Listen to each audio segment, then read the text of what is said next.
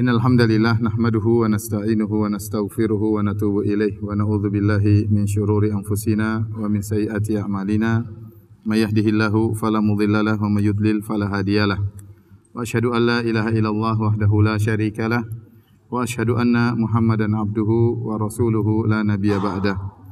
يا أيها الذين آمنوا اتقوا الله حق تقاته ولا تموتن إلا وأنتم مسلمون. فإن أصدق الحديث كتاب الله وخير الهدى هدى محمد صلى الله عليه وسلم وشر الأمور محدثاتها وكل محدثة بدعة وكل بدعة ضلالة وكل ضلالة في النار Hadirin dan hadirat yang dirahmati oleh Allah Subhanahu wa taala. Ikhwan dan akhwat yang dimuliakan oleh Allah Subhanahu wa taala. Alhamdulillah pada pagi hari ini kita dipertemukan oleh Allah Subhanahu wa taala dalam rangka untuk mendekatkan diri kita kepada Allah Subhanahu wa taala dan syukur dan pujian senantiasa kita panjatkan kepada Allah atas segala limpahan karunia. Salawat dan salam semoga tercurahkan selalu kepada junjungan kita Nabi Muhammad sallallahu alaihi wasallam dan juga kepada keluarganya serta seluruh sahabat beliau tanpa terkecuali.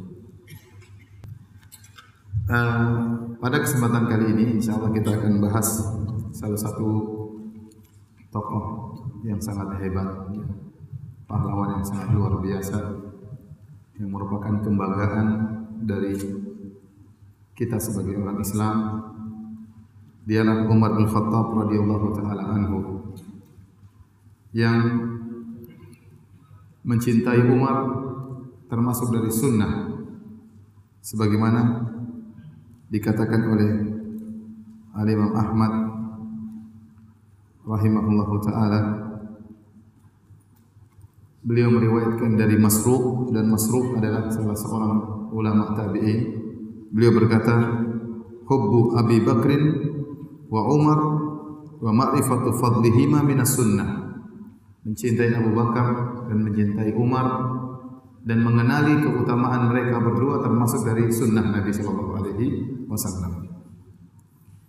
Oleh karenanya Ibnu Jauzi rahimahullah mengatakan, "Anna salaf kanu yu'allimuna auladahum hubba Abi Bakrin wa Umar." kama yu'allimunahum surata minal Qur'an. Para salaf dahulu mereka mengajari anak-anak mereka tentang cinta kepada Abu Bakar dan Umar sebagaimana mereka mengajari anak-anak mereka tentang surat dari Al-Qur'an. Ini menunjukkan perhatian besar mereka terhadap dua orang ini secara spesial Abu Bakar dan Umar. Terlebih-lebih lagi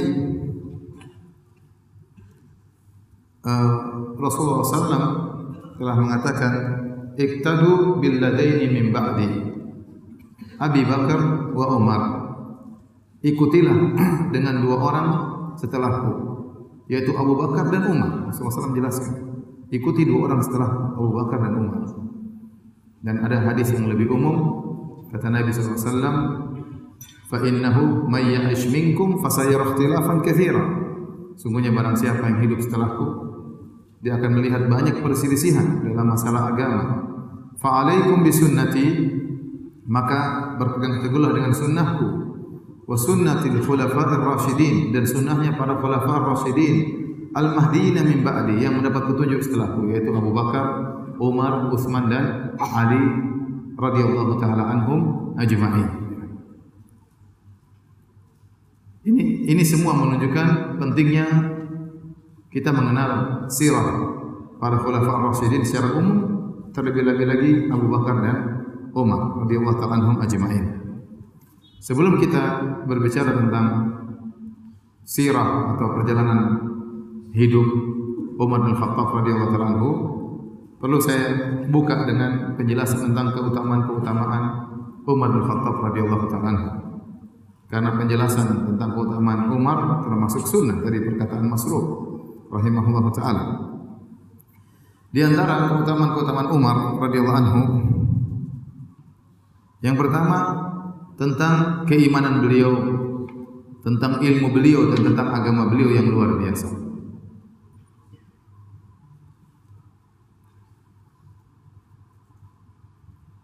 Suatu hari dari Abdullah bin Hisham dia berkata, "Kunna ma'an Nabi sallallahu alaihi wasallam wa huwa akhidun bi yadi Umar bin Khattab." Suatu hari kami bersama Nabi sallallahu alaihi wasallam lalu Nabi memegang tangan Umar. Faqala lahu Umar, lalu Umar berkata kepada Nabi, "Ya Rasulullah, wahai Rasulullah, la anta ahabbu ilayya min kulli syai'in illa min nafsi." Ya Rasulullah, engkau adalah orang yang paling aku cintai dari segala sesuatu kecuali dari diriku sendiri. Artinya Umar berkata, engkau lebih aku cintai daripada orang tuaku daripada anakku kecuali dari diriku aku lebih cinta diriku daripada dirimu wahai Rasulullah. Maka Nabi SAW berkata, La walladhi nafsi biyadihi. Belum wahai Umar. Demi zat yang jiwaku berada di tangannya. Hatta aku ahabba ilaika min nafsik. Imanmu belum sempurna. Demi Allah sampai aku lebih kau cintai daripada dirimu sendiri wahai Umar. Faqala lahu Umar, maka Umar berkata, "Fa innahu al-ana wallahi la anta ahabbu ilayya min nafsi." Demi Allah, wahai Rasulullah, sekarang engkau sungguh lebih aku cintai daripada diriku sendiri. Maka Nabi SAW kemudian berkata, Al-ana ya Umar, sekarang baru sempurna imanmu, wahai Umar. Nabi mempersaksikan tentang keimanan Umar. Maksudnya iman Umar sudah sempurna karena Umar lebih mencintai Nabi daripada dirinya sendiri. Di antara dalil yang menunjukkan tentang keutamaan ilmu Umar Suatu hari Rasulullah SAW bersabda, "Bainama ana naimun syaribtu" kata Nabi SAW satu hari aku tidur, jadi Rasulullah bermimpi. Syaribtu, yakni syaribtu laban, aku minum susu hatta anzura ila rayyi yajri fi dhufri aw fi adfari.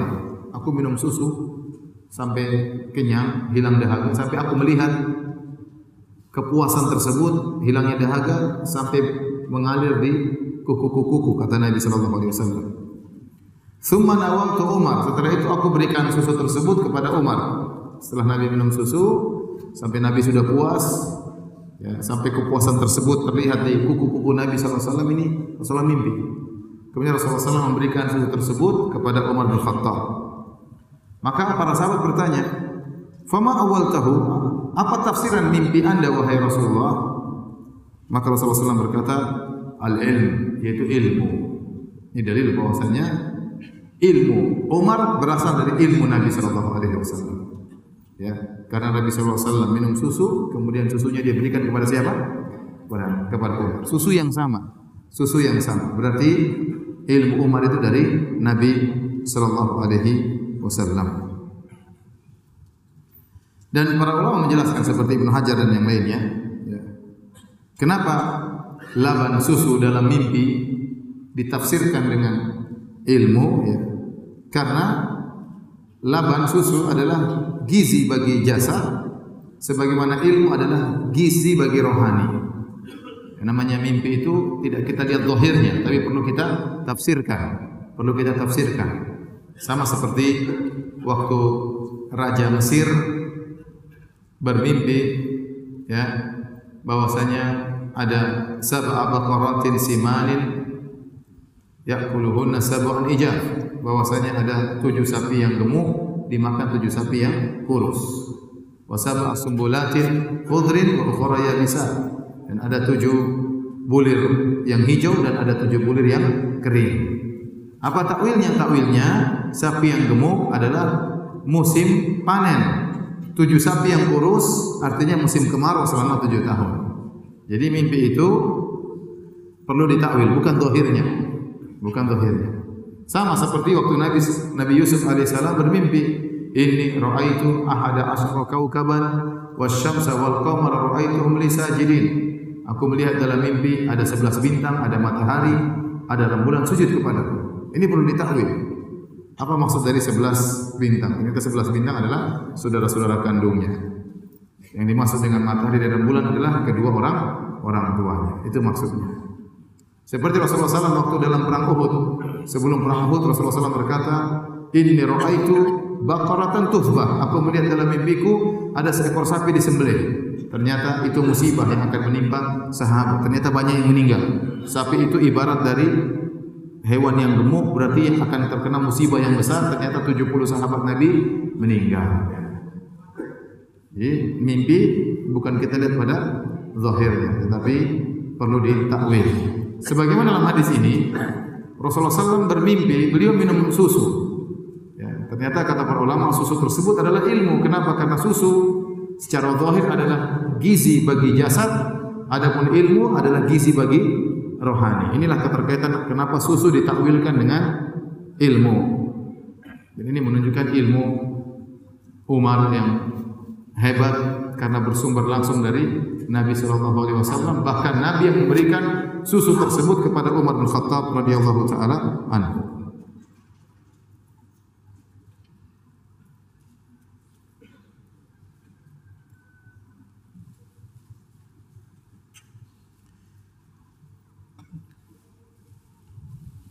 Kemudian juga dalam hadis yang diriwayatkan Imam Al-Bukhari tentang agamanya Umar. Rasulullah SAW juga pernah bermimpi tentang Umar.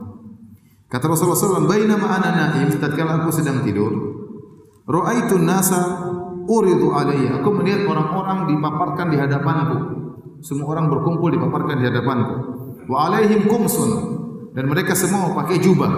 Semua orang di hadapanku pakai jubah. Faminha ma yablughu Di antara mereka di antara mereka ada yang jubahnya sampai di dadanya. Wa minha ma yablughu dzalik dan di antara mereka ada yang pakaiannya ke bawah. Ya, di bawah itu. Wa uridu alayya Umar wa alaihi qamisun ijtarahu. Dan aku melihat Umar hadir di hadapanku hadir di hadapanku pakai pakaian sampai panjang sampai isbal sampai Umar berjalan menggeret-geret pakaiannya. Qalu fama awal tahu ya Rasulullah apa takwilan anda wahai Rasulullah terhadap mimpi tersebut? Kata Nabi ad-din yaitu agama. Jadi di antara tafsir kalau seorang uh, dalam mimpinya Nabi menafsirkan baju dengan agama. Kenapa? Karena baju itu menutup aurat seseorang. Semakin kuat agamanya semakin panjang bajunya. Jangan disalahpahami ini dalil bolehnya pakai celana panjang-panjang enggak. Ini mimpi. Mimpi perlu ditakwil. Ya.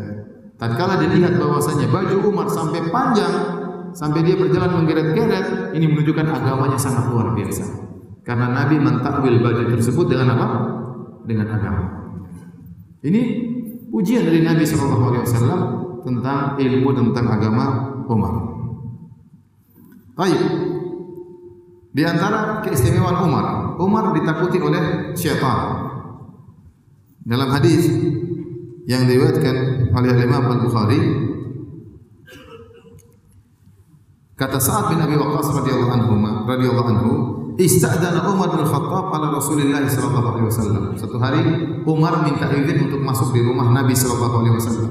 Wa indahu niswatun min Quraisy yukallimnahu wa yastakthirnahu aliyatan aswatuhunna. Rupanya waktu itu Nabi lagi bersama istri-istri beliau ngumpul. Istri-istri Nabi dari Quraisy. Lantas istri-istri Nabi ngomong sama Nabi sambil suara mereka terangkat. Nabi lagi dikepung sama istri-istrinya. Istrinya lagi ngomong sama Nabi dengan suara yang agak tinggi. Aliyatan aswatuhunna ala sehingga suara-suara wanita tersebut mengungguli suara Nabi sallallahu alaihi wasallam. Nabi kalah keras dibandingkan mereka. Falamma Umar bin Khattab, kumna fabadarna al-hijab. Tatkala Umar minta izin, "Assalamualaikum." Mereka tahu suaranya Umar. Semuanya kabur. Istri-istrinya Nabi semuanya kabur segera berlindung di balik hijab. Fa'adina lahu Rasulullah sallallahu alaihi wasallam. Maka Rasulullah SAW izinkan Umar untuk masuk ke dalam rumahnya. Fadakhala Umar wa Rasulullah SAW yadhhak. Maka Umar pun masuk dalam kondisi Nabi sedang tertawa. Faqala Umar senang lihat Nabi tertawa. Kata Umar, "Adhakallahu sinnaka ya Rasulullah." Semoga Allah membuat engkau tertawa wahai Rasulullah. Faqala Nabi SAW, maka Nabi berkata, menjelaskan kenapa dia tertawa. Kata Nabi, "Ajibtu min haula illati kunna indi." Saya heran aja dengan tadi wanita-wanita yang tadi bersamaku. Falamma sami'na sautak ibtadatna al-hijab. Tatkala mereka dengar suaramu, semuanya langsung kabur di balik hijab. Maka Rasul Umar berkata, "Fa anta ahaqqu an yahabna ya Rasulullah." Engkau yang harusnya lebih utama ditakuti oleh mereka bukan saya ya Rasulullah. Ini namanya istri-istri sama suami enggak begitu takut, ya kan? ya, ada sini yang istrinya ketakutan sama suaminya. Biasanya suaminya ketakutan sama istrinya. Kalau Indonesia ya. Apa, dulu juga Nabi seperti itu.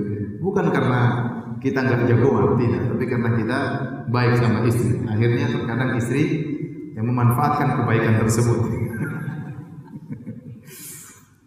Maka Umar pun ngomong sama istri-istri Nabi. Ya aduwati anfusihinna, wahai orang-orang musuh jiwa-jiwa mereka sendiri. Atahabnani wa la tahabna Rasulullah? Apa kalian takut kepada aku dan kalian tidak takut sama Rasulullah? Istri-istri Nabi menjawab, "Na'am, anta afaddu wa aghlad min Rasulillah." Iya, karena kau lebih kasar daripada Nabi sallallahu alaihi wasallam. Lebih keras dan lebih kasar daripada Rasulullah sallallahu alaihi wasallam. Nabi membenarkan kata Rasulullah, "Ihan ya Ibnu Khattab." Sungguh benar wahai Ibnu Khattab. Walladzi nafsi biyadihi demi zat yang jiwaku berada di tangannya. Malaqiyaka syaitanu salikan fajjan qat illa salaka fajjan akhar. Tidaklah setan bertemu dengan engkau lewat satu jalan kecuali setan cari jalan yang lain. Masya kecuali setan cari jalan yang lain. Hadis riwayat Al Imam Al Bukhari. Ya. Para menjelaskan kenapa setan takut sama Umar? Karena begitu kerasnya Umar dalam menjalankan syariat, benar-benar menjalankan syariat benar-benar kuat sehingga setan takut sama Umar. Nah kalau setan aja takut, apalagi ibu-ibu tadi yang jelas lebih takut lagi. Ya. Subhanallah, ada orang sampai seperti itu, setan takut. Nah kalau kita jalan, mungkin setan malah mendekat. Umar jalan setan kabur. Ya. Luar biasa. Baik, di antara keistimewaan Umar bin Khattab radhiyallahu taala Beliau adalah rajulun mulham, seorang yang diberi diberi ilham dari Allah Subhanahu wa taala. Luar biasa. Nanti akan kita sebutkan dari dari Rasulullah SAW pernah bersabda, "Laqad kana fi man kana qablakum laqad kana fi man qablakum minal umami muhaddatsun fa iyyakum fi ummati ahadun fa kata Nabi SAW sungguh dahulu ada orang-orang sebelum kalian muhaddatsun diberitahu oleh Allah Subhanahu wa taala diberi ilham oleh Allah Subhanahu wa taala. Fa iyyakum fi ummati ahadun kalau ada seorang di umatku yang diberi ilham oleh Allah maka dia adalah Umar dalam riwayat kata Nabi, "Lau kana nabiyyun ba'di lakana Umar." Kalau boleh ada seorang nabi setelahku, nabi itu adalah Umar. Kenapa? Karena Umar itu sering punya ide cocok dengan idenya, cocok dengan ayat Al-Qur'an, sering. Allah turunkan ayat sesuai dengan idenya siapa? Umar. Benar-benar dia dapat ilham dari Allah Subhanahu wa taala.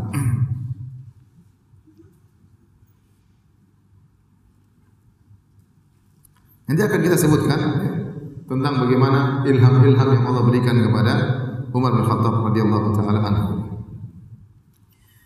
Dalam hadis yang lain Rasulullah SAW juga pernah bermimpi kata Rasulullah SAW Ru'aitu fil manami anni anza'u bidalwi bakratin ala qalibin Aku melihat dalam mimpiku aku ngambil air Bakrah itu tahu sumur ya sumur yang ada bulatannya terus buat tali untuk deret.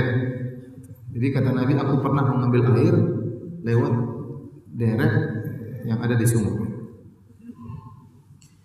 Faja'a Abu Bakrin fana'aza dhanuban aw dhanubain naz'an dha'ifan. Kemudian datang Abu Bakar mengambil air cuma dua dua ember tapi dengan pelan lemah. Ini isyarat Abu Bakar hanya menjalani kekhalifahan dua tahun lebih sebentar tidak lama. Dan Abu Bakar memang waktu menjalani kekhalifahan tidak sehebat Umar. Kenapa? Karena di zaman Abu Bakar terjadi pergolakan stabilitas keamanan. Muncul dengan hebatnya Musailimah al-Kadzdzab, nabi palsu, dan dia punya pengikut dan ada orang-orang yang enggan bayar zakat, ya. Dan ada orang-orang yang murtad, sehingga Abu Bakar sibuk untuk mengurusi kekhilafahan pemerintahan kala itu. Sampai-sampai kata para ulama, Abu Bakar tidak sempat untuk melaksanakan sholat tarawih berjamaah. Sholat tarawih berjamaah baru dilaksanakan di zaman Umar.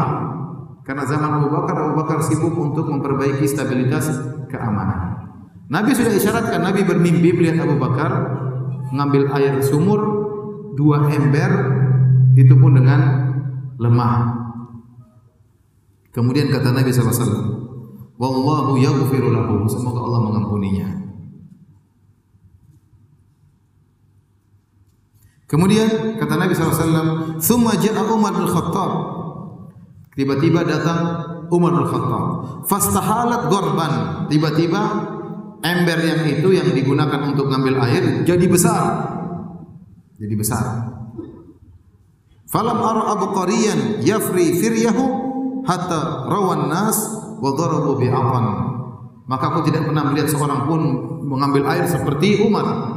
Mengambil air timbanya besar, banyak airnya diambil, diberikan kepada orang-orang sampai orang-orang semua hilang dahaganya, sampai bukan cuma orang-orang diberikan air, bahkan diberikan kepada unta-unta mereka sampai unta-unta mereka sudah puas minum air kemudian diletakkan di kandang-kandang unta-unta tersebut. Ini isyarat bahwasanya khilafah Umar akan luas dan benar di zaman Umar ekspansi kaum muslimin begitu hebat. Dan Umar menguasai kalau tidak salah lebih dari 20 tahun. Ya. 20 tahunan beliau menjalankan kekhilafahan. Setelah Umar meninggal dunia, baru kemudian dipegang oleh Utsman, itu pun terjadi gejolak. Akhirnya Utsman dibunuh. Setelah Utsman dipegang oleh Ali, terjadi juga gejolak sampai Ali pun dibunuh radhiyallahu anhu ajma'in. Tetapi masa kejayaan umat Islam benar-benar jaya di zaman Umar bin Khattab radhiyallahu anhu. Makanya Nabi melihat dalam mimpi Umar mengambil air dengan ember yang besar dan ngambil banyak dibagi-bagikan kepada manusia sampai bukan cuma manusia yang minum sampai kepada unta-unta mereka. Kata Nabi SAW, Falam ara abqariyan yafri firyahu. Aku tidak pernah lihat orang yang hebat yang melakukan seperti pekerjaan Umar.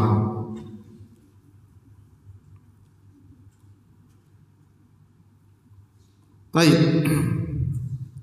Dalam hadis yang lain Rasulullah SAW pernah melihat dia masuk dalam surganya dalam surga dan melihat istananya Umar.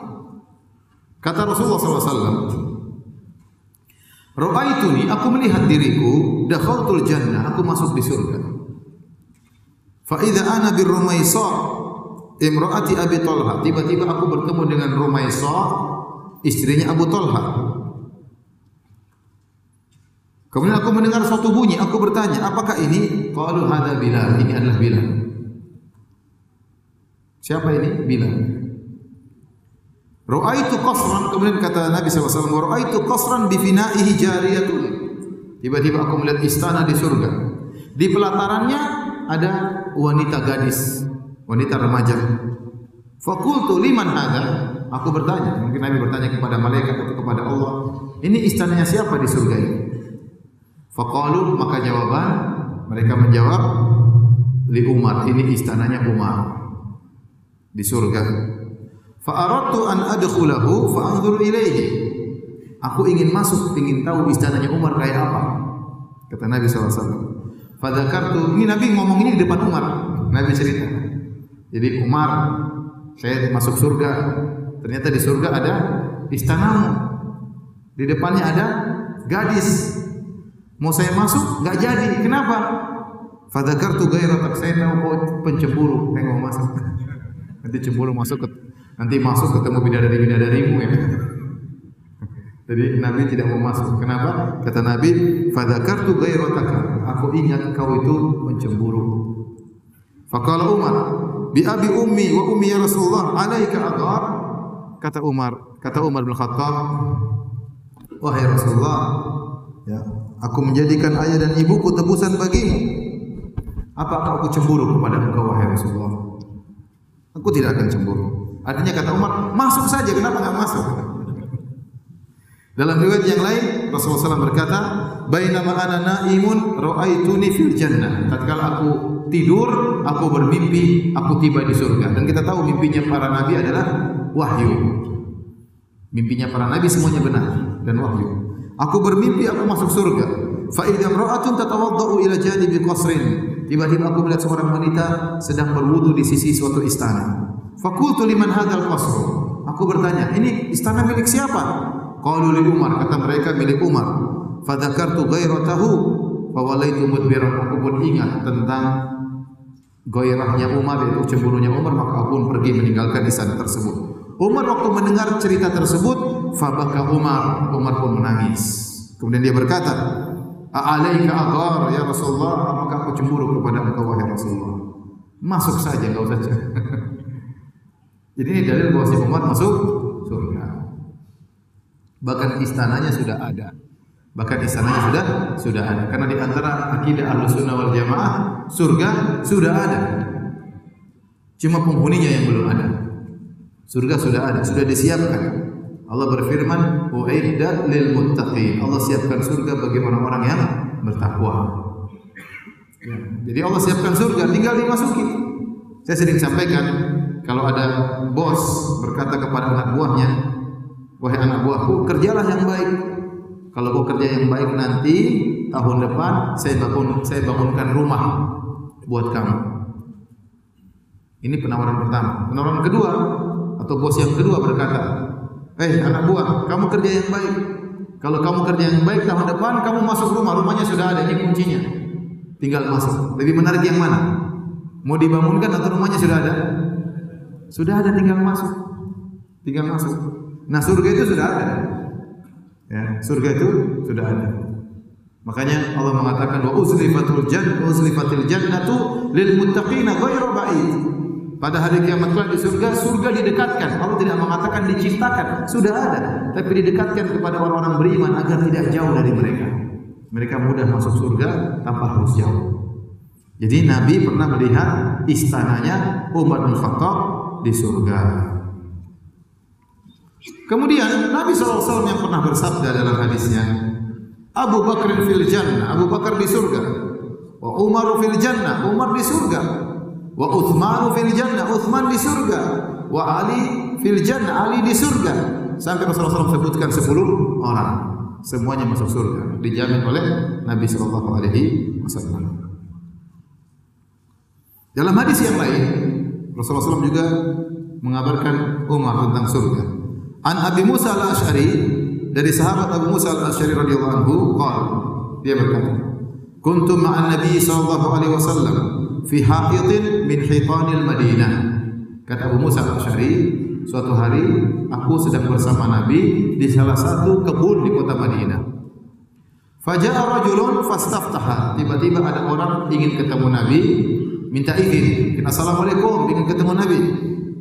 Faqala Nabi sallallahu alaihi wasallam, kata Nabi sallallahu alaihi wasallam, "Iftah lahu, bukakan pintu untuk orang tersebut wa basyirhu bil jannah." Dan beri kabar gembira kepadanya bahwasanya dia masuk surga. Fafatahtu lahu, aku buka pintu, fa Abu Bakar. Ternyata yang ketuk pintu siapa? Abu Bakar. Fabasyartuhu bima qala Rasulullah SAW. Maka aku beri kabar gembira kepada Abu Bakar bahwasanya engkau akan masuk surga. Nabi yang menyuruh untuk mengabarkan engkau. Fahamidallah, maka Abu Bakar pun memuji Allah Subhanahu wa taala. Thumma ja'a rajulun, kemudian datang orang lelaki kedua. Fastaftah, ketuk pintu lagi. Assalamualaikum. Faqala Nabi SAW kepada Abu Musa al-Asy'ari, "Iftah lahu wa basyirhu fil jannah." Bukakan pintu dan beri kabar gembira kepadanya bahwasanya dia masuk surga. Fafatahtu lahu, aku pun buka pintu, fa idza huwa Umar. Ternyata Umar yang tadi ketuk pintu. Fa akhbartuhu bima Nabi sallallahu wasallam. Maka kabarkan kepada dia wahai Umar, Nabi menyuruhku untuk mengabarkan engkau masuk surga. Fahamidallah. Maka Umar pun memuji Allah Subhanahu wa taala. Thumma staftaha rajulun. Kemudian ada laki yang ketiga ketuk pintu lagi. Faqala li kata Nabi SAW iftah lahu wa basyirhu bil jannah ala qalwan tusibuhu. Bukakan pintu bagi orang tersebut. Kabarkan dia juga masuk surga tapi ada musibah yang akan mengenanya fa idza Utsman ternyata saya buka pintunya siapa? Utsman radhiyallahu taala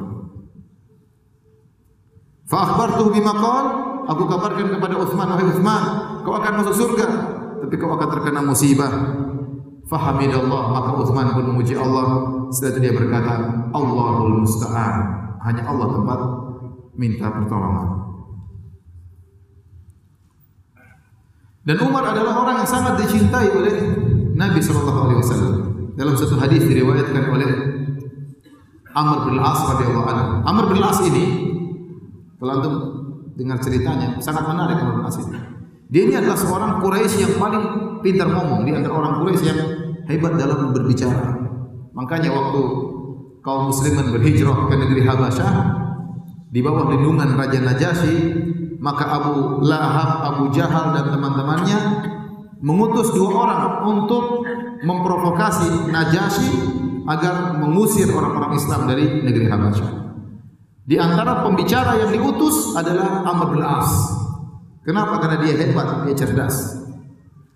Akhirnya Amr bin As datang ke kerajaan Najasyi kemudian memprovokasi dengan cara dia agar Raja Najasyi mengusir orang-orang Islam, tapi tidak berhasil tapi tidak berhasil.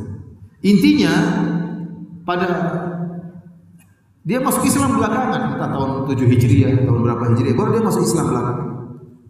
Baru masuk Islam. Begitu dia masuk Islam, baru beberapa bulan masuk Islam, Nabi mengangkat dia sebagai pemimpin perang dalam perang Zatu Salasil. Suruh berangkat bawa pasukan. Ini baru masuk Islam. Kenapa? Karena dia ini orang pembesar. Nabi ingin memuliakan dia. Nabi juga tahu martabat manusia.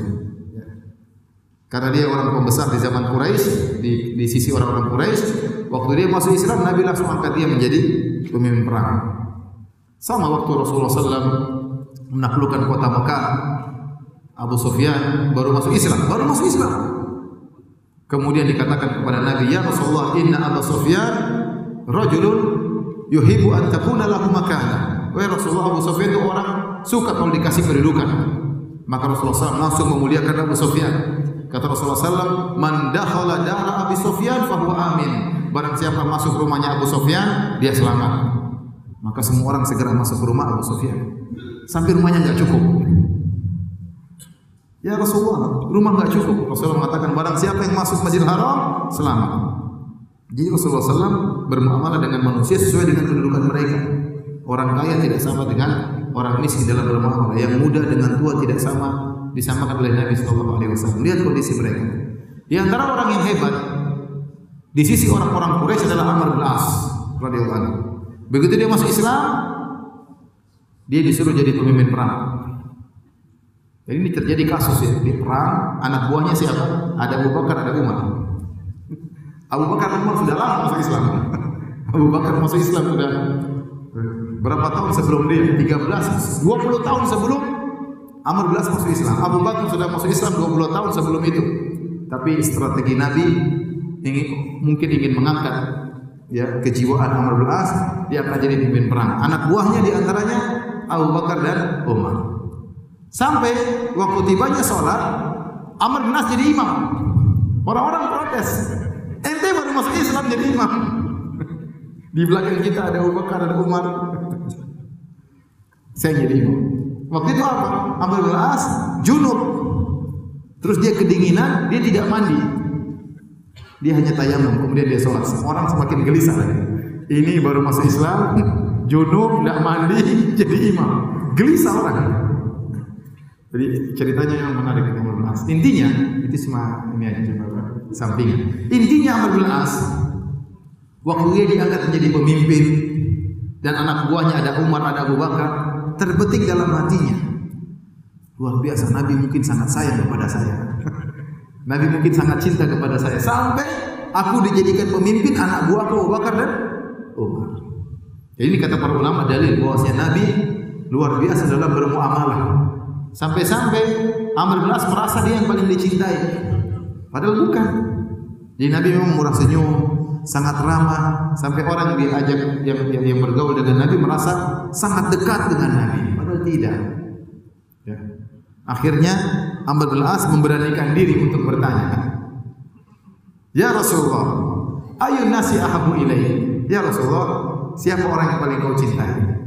Dia ingin Nabi menjawab ente gitu. Itu keinginannya. Dia ingin cek ya Rasulullah siapa orang yang paling kau cintai? Kata Rasulullah SAW, Aisyah, Aisyah istriku. Minar rijal, yang saya itu laki-laki. Ya Rasulullah, siapa laki-laki yang paling kau cintai?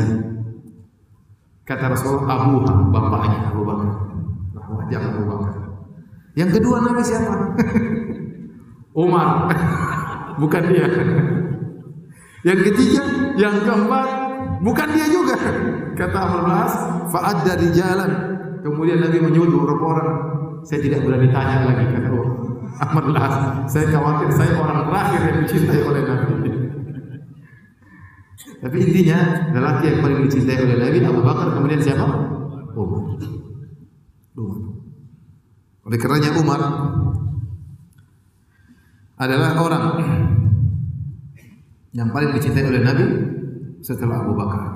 Makanya waktu Umar dalam kondisi ditikam oleh Abu Lu'lu al-Majusi, kemudian terbelah perutnya sampai tiga kali tikaman dan dia akan meninggal dunia, maka datang Ali bin Abi Thalib radhiyallahu memuji Umar. Mengatakan betapa sering saya mendengar Nabi berkata dakhaltu ana wa Abu Bakar Umar wa kharajtu ana wa Abu Bakar Umar sungguh bahagia engkau wahai Umar. Betapa sering aku mendengar Rasulullah bercerita aku masuk bersama Abu Bakar dan Umar. Artinya Nabi sering bersama sama Abu Bakar dan Umar.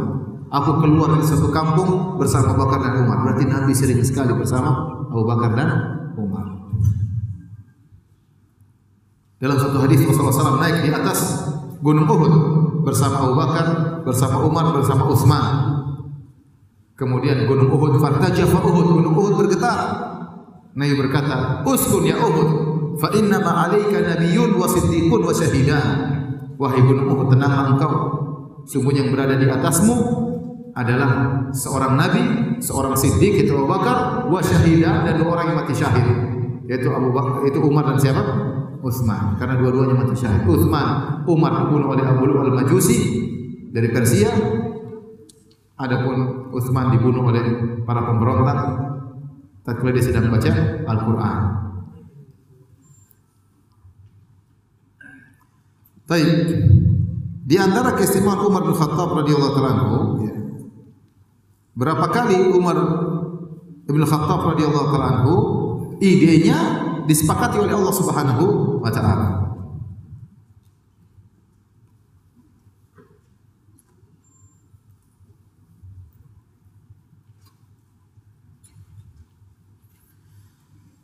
Di antaranya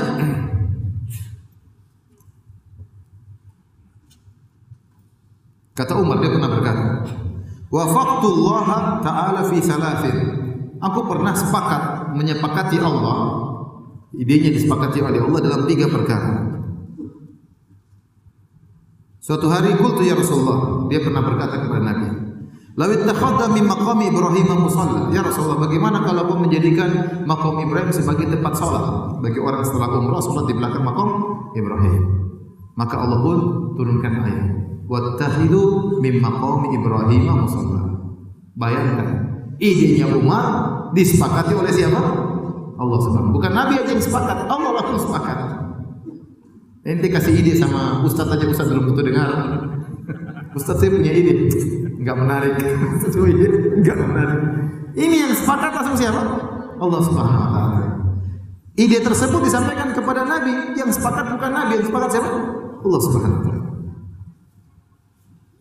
Demikian juga Umar pernah berkata, "Ya Rasulullah, yadkhul alaika al-barr wal fajr wal fajr falau amarta ummahatil mu'min bil hijab ya Rasulullah Orang ketemu dengan kau ada yang baik, ada yang buruk. Kenapa aku nggak suruh istri-istrimu pakai hijab? Biar nggak kelihatan oleh mereka. Jadi Umar ini saking dekatnya dengan Nabi, sampai dia masuk dalam sebagian urusan keluarga Nabi. Ya Rasulullah, istri-istrimu suruh pakai hijab. Kita ente ngapain urusan saya? Kalau kita mungkin begitu, Rasulullah SAW saking dekatnya dengan Umar, kita kan nggak mau istri kita diurusin orang, gitu tidak?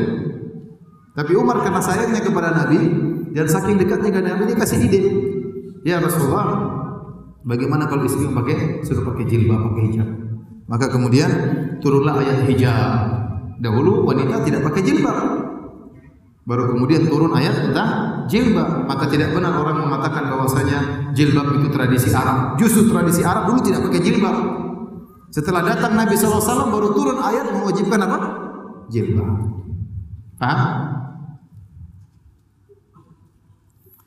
Kemudian juga yang ketiga kata Umar wa balagani muta'abat mu'atabatu Nabi sallallahu alaihi wasallam sampai kabar kepadaku Nabi sempat menegur sebagian istri-istrinya.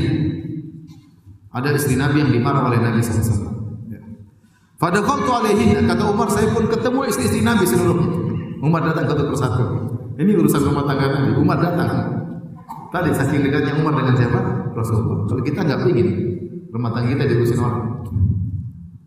Maka Umar berkata kepada istri-istri Nabi, "In tahaitunna aw la yubaddilanna Allahu rasulahu khairan min kunna." Wahai istri-istri Nabi, kalian berhenti. Jangan bikin Nabi marah. Kalau kalian tidak berhenti, Allah akan menggantikan istri-istri yang lebih baik daripada kalian.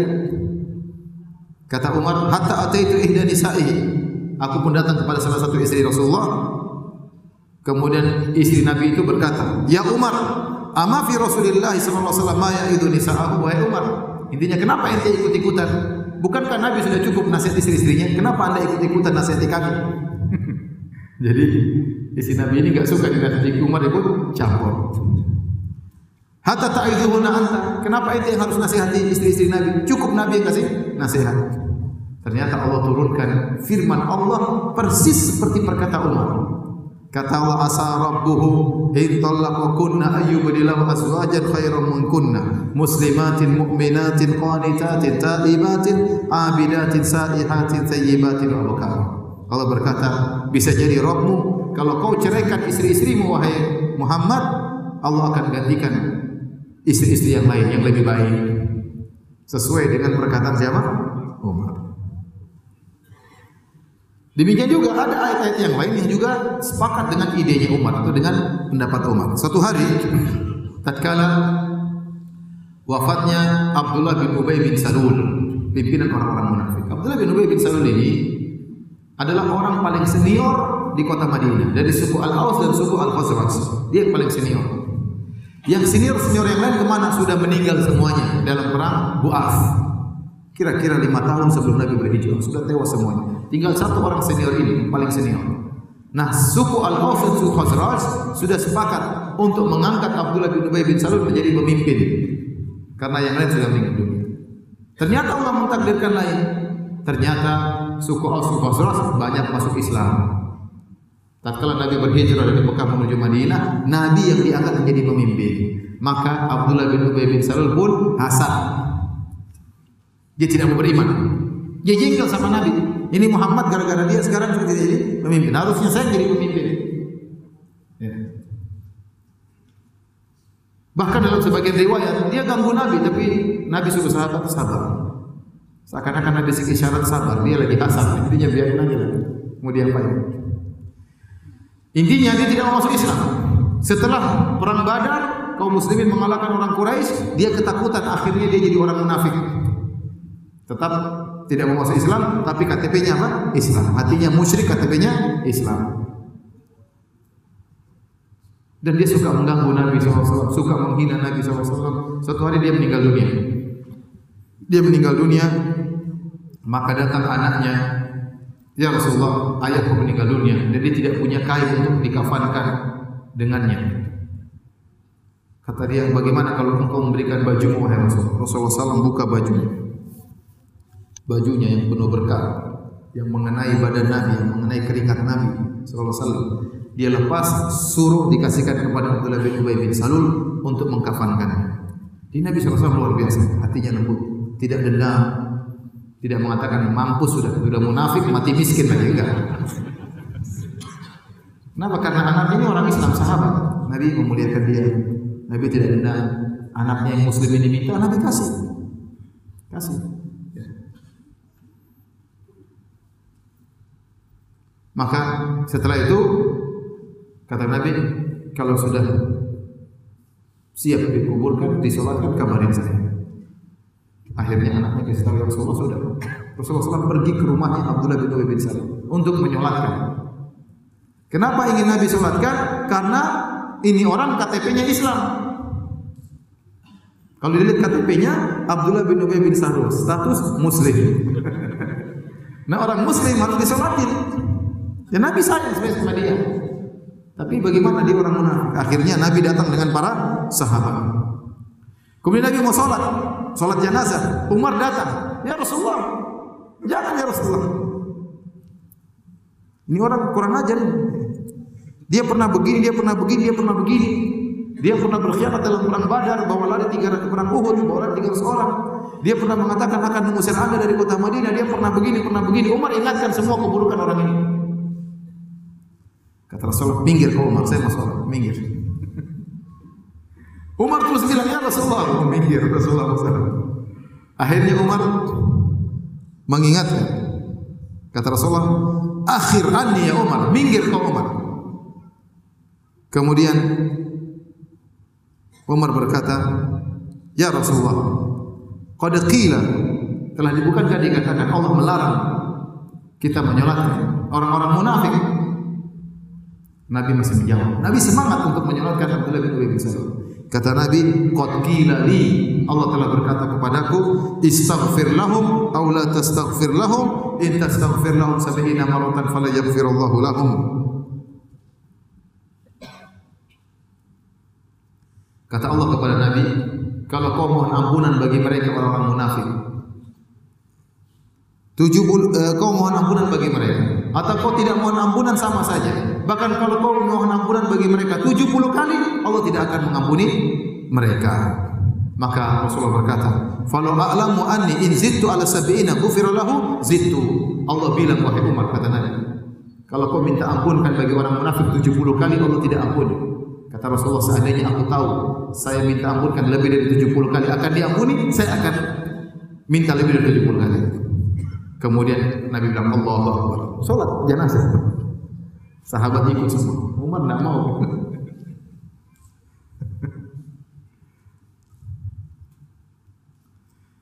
Kemudian Rasulullah jalan bersama jenazah ini menuju ke kuburan. Ya. Kata Umar, Fa'ajibtu li Aku heran tentang diriku tatkala itu. Wali jur'ati ala Rasul, saya juga heran kenapa saya berani negur-negur Nabi. Umar juga heran. Kenapa saya berani sekali? Kenapa saya negur-negur Nabi? Sudah. Wallahu Rasulullah alam, saya juga enggak tahu kenapa saya begitu pada hari tersebut. Wallahi ma kana illa yasiran. Tidak lama kemudian demi Allah kata Umar, nazalat hatanil ayatan tiba-tiba turun dua ayat. Wala tusalli ala ahadin minhum mata abadan wala takum ala qabri. Jangan salatin orang munafik sama sekali dan jangan berdiri di kuburan. Subhanallah. Ternyata Allah setuju dengan siapa? Umar. Ya mungkin Umar diberi ilham oleh Allah untuk berani hari itu. Biasanya dia enggak berani. Ini contoh ternyata Allah sepakat dengan idenya Umar Contoh yang lain seperti tatkala kisah perang Badar. Ya. Jadi waktu terjadi perang Badar, orang-orang musyrikin kalah dalam perang tersebut. Sehingga akhirnya banyak di antara mereka yang tewas. Abu Jahal tewas, tokoh-tokoh pembesar orang-orang Quraisy tewas. Setelah itu banyak orang-orang yang ditawan. Di antara yang ditawan adalah dari Bani Hashim. Dari Bani Hashim, dari Ahlul Bait sendiri. Tapi masih kafir. Di antaranya Al-Abbas bin Abdul Muttalib, paman Nabi. Di antaranya Aqil bin Abi Thalib, sepupunya Nabi, sepupunya Ali.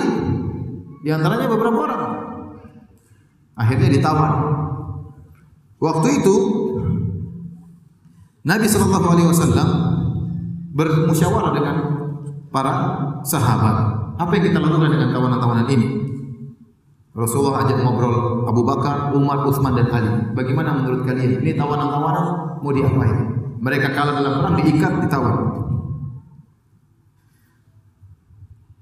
Kemudian Rasulullah bertanya kepada Umar, "Ma ya Ibn al-Khattab? Bagaimana menurutmu wahai Umar?"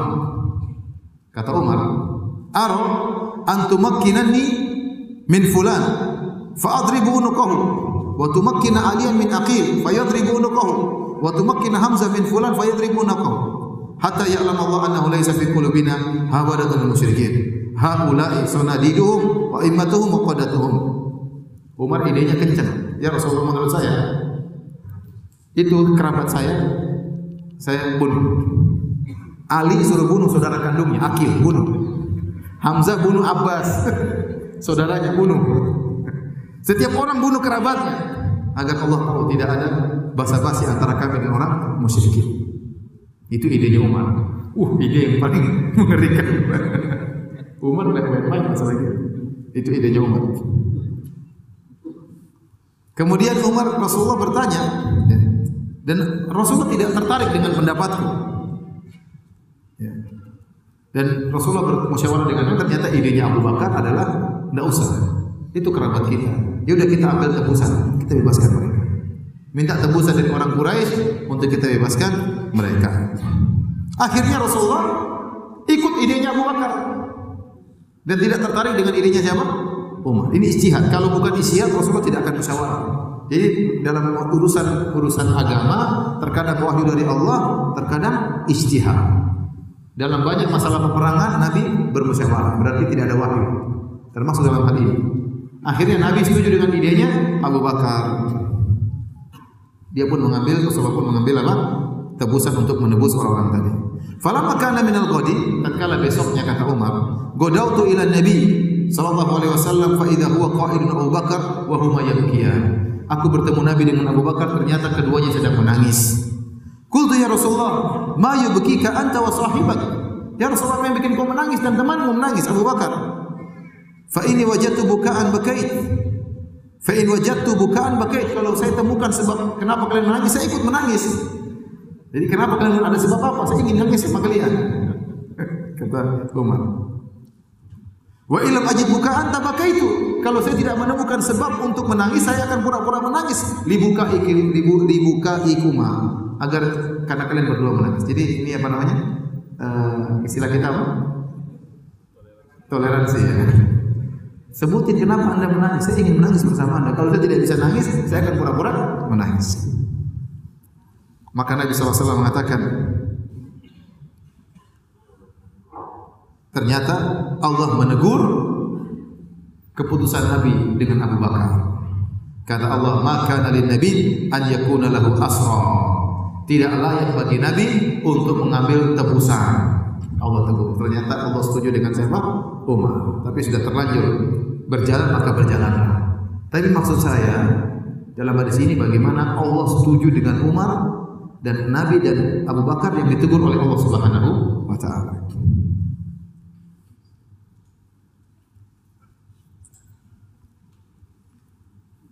Sama. Waktu Ayat juga turun tentang masalah khamar. Khamar itu tidak turun langsung haram. Kenapa? Karena orang-orang musyrikin dahulu benar-benar demen sama khamar.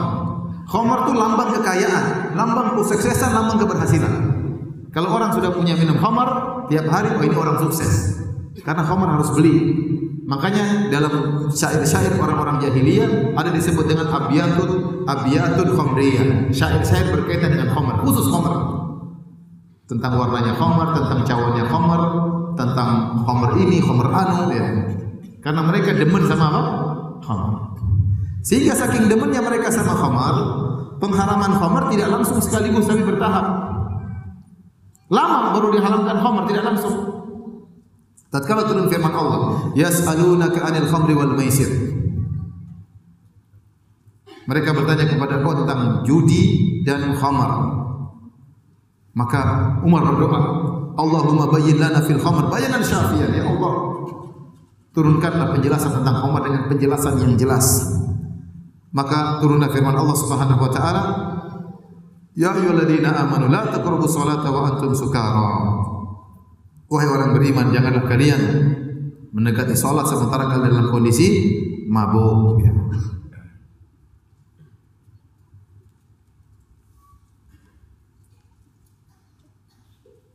Sampai turun firman Allah, "Fahal antum muntahun?" Apakah kalian tidak berhenti dari minum khamar?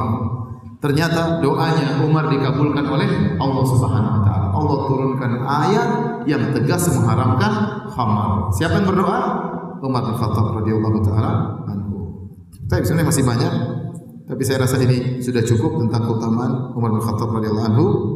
Kita akan sebutkan tentang sedikit sirah Umar bin Khattab. Masih waktu? Tapi sebelum menyampaikan sirah Umar bin Khattab, saya perlu ingatkan di sana ada kelompok yang disebut dengan kelompok Syiah yang mereka benar-benar anti terhadap Umar bin Khattab radhiyallahu anhu. Dan terlalu banyak tuduhan yang mereka lontarkan kepada Umar bin Khattab radhiyallahu anhu. Di antara bukti nyata mereka merayakan hari kematian Umar bin Khattab radhiyallahu anhu. Ini disebutkan dalam kitab Biharul Anwar karangan Al-Majlisi.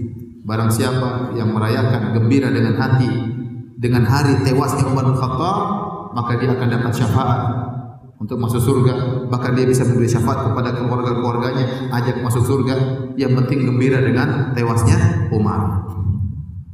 Oleh karenanya di Iran sana di kota Kashan ada kuburannya Abu Lu'lu al-Majusi. Siapa Abu Lu'lu al-Majusi? Itulah pembunuh Umar.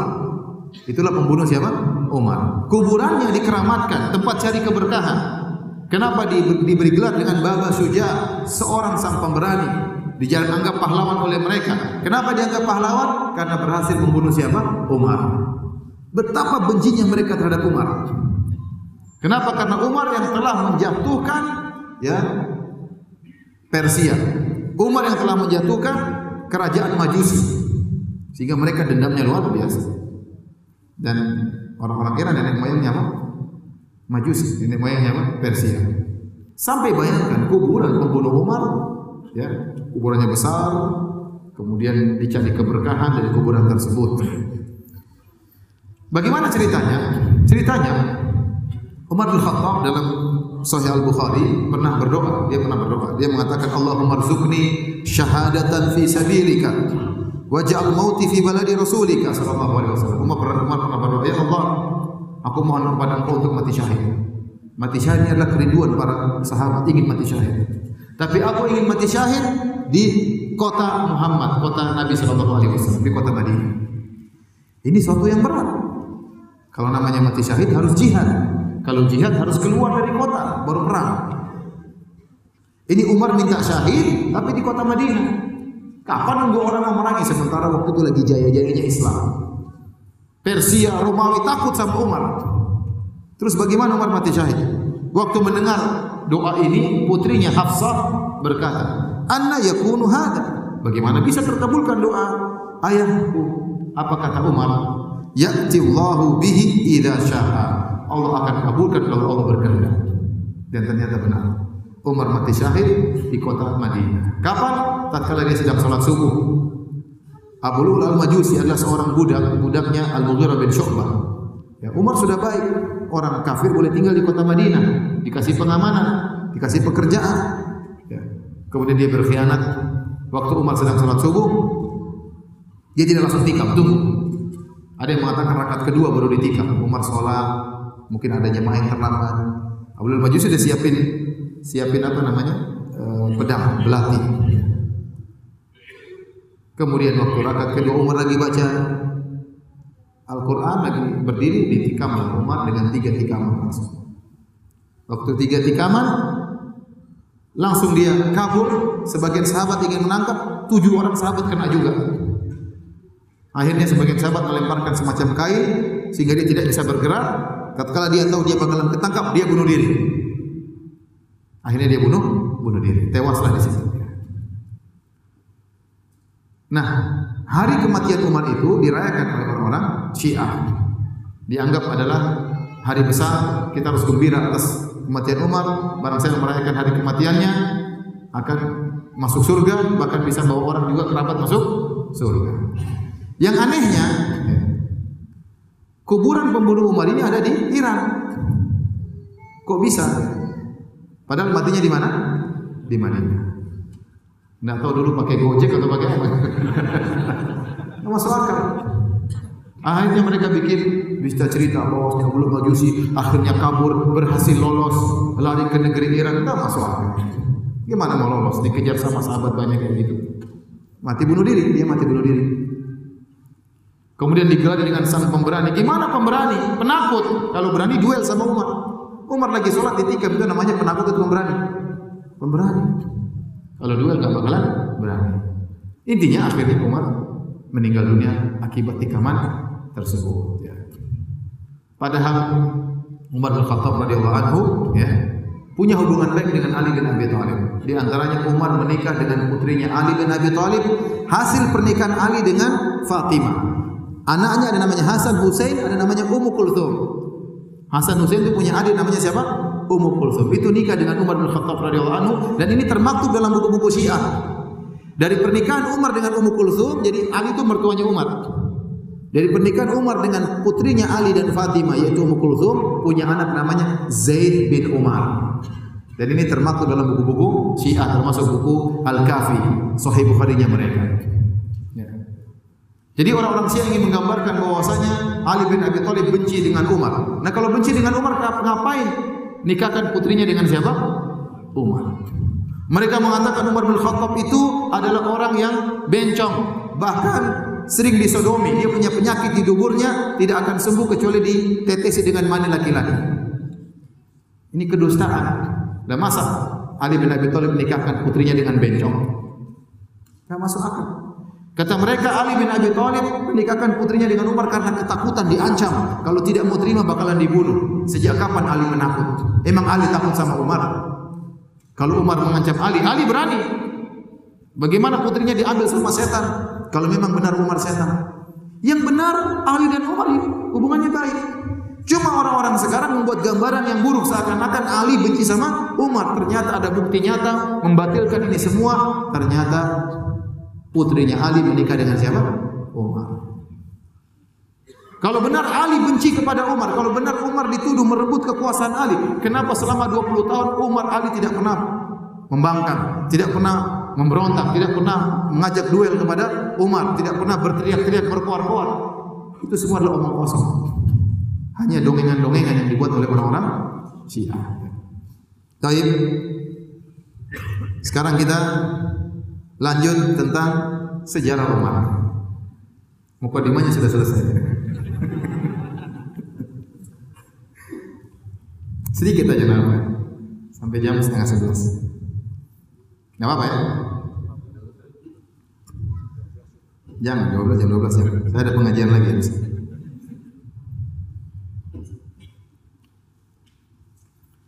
Tapi Umar bin Khattab, nama beliau adalah Umar bin Khattab bin Nufail bin Abdul Uzza sampai kepada bin Ka'ab bin Lu'ay bin Adi bin Ka'ab bin Lu'ay. Jadi nasab dia bertemu dengan kakek Nabi yang sekian di Ka'ab bin Lu'ay. Di Ka'ab bin Lu'ay. Umar bin Khattab dan dia adalah seorang Quraisy tapi Al-Adawi karena dari Ibni Adi Ibni Adi disebut dengan Al-Adawi dia Quraisy orang Quraisy kunyahnya Abu Hafs. Kunyahnya Abu? Abu Hafs. Dan diberi gelar dengan Al-Faruq.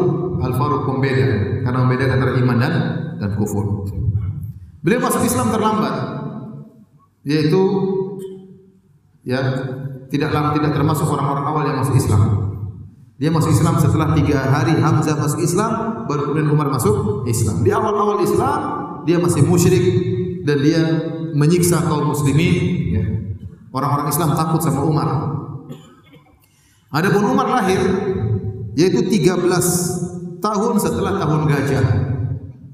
Nabi lahir pada tahun gajah. Umar lahir 13 tahun setelah tahun gajah. Berarti Umar lebih muda daripada Nabi berapa tahun? 13 tahun. Beda dengan Abu Bakar. Abu Bakar lahir 2 atau 3 tahun setelah tahun gajah. Abu Bakar lebih muda 2 tahun saja dari Nabi. Adapun Umar lebih muda 13 tahun. Adapun sifat fisiknya, beliau adalah seorang yang putih. Saking putihnya terkadang ada warna merah-merah di kulitnya. Kemudian tentunya orang Arab mancung ya. Tentunya, tidak usah dijelasin. Pasti apa? Mancung. Kemudian tinggi orangnya, besar. Tinggi, badannya besar. Di antara ciri-cirinya aswa. Aswa itu botak tengah. Botak bukan botak tengah, botak begini. Sini namanya apa? Aswa. Sampai ada seorang syekh di Arab Saudi. Dia bikin ceramah tentang judulnya intinya keutamaan botak. Intinya dia berkata dalam ceramah tersebut, wahai orang-orang yang botak, jangan bersedih. Tahukah kamu kehebatan orang-orang botak? Rata-rata orang botak hebat-hebat. di antaranya Umar bin Khattab, di antaranya Ali bin Abi Thalib, mereka semua botak. Dan menurut penelitian di majalah Amerika bahwasanya orang botak lebih cepat mengambil keputusan daripada orang yang rambutnya banyak. Intinya dia menyampaikan dalil-dalil itu bahwa alam itu hiburan bagi orang yang botak.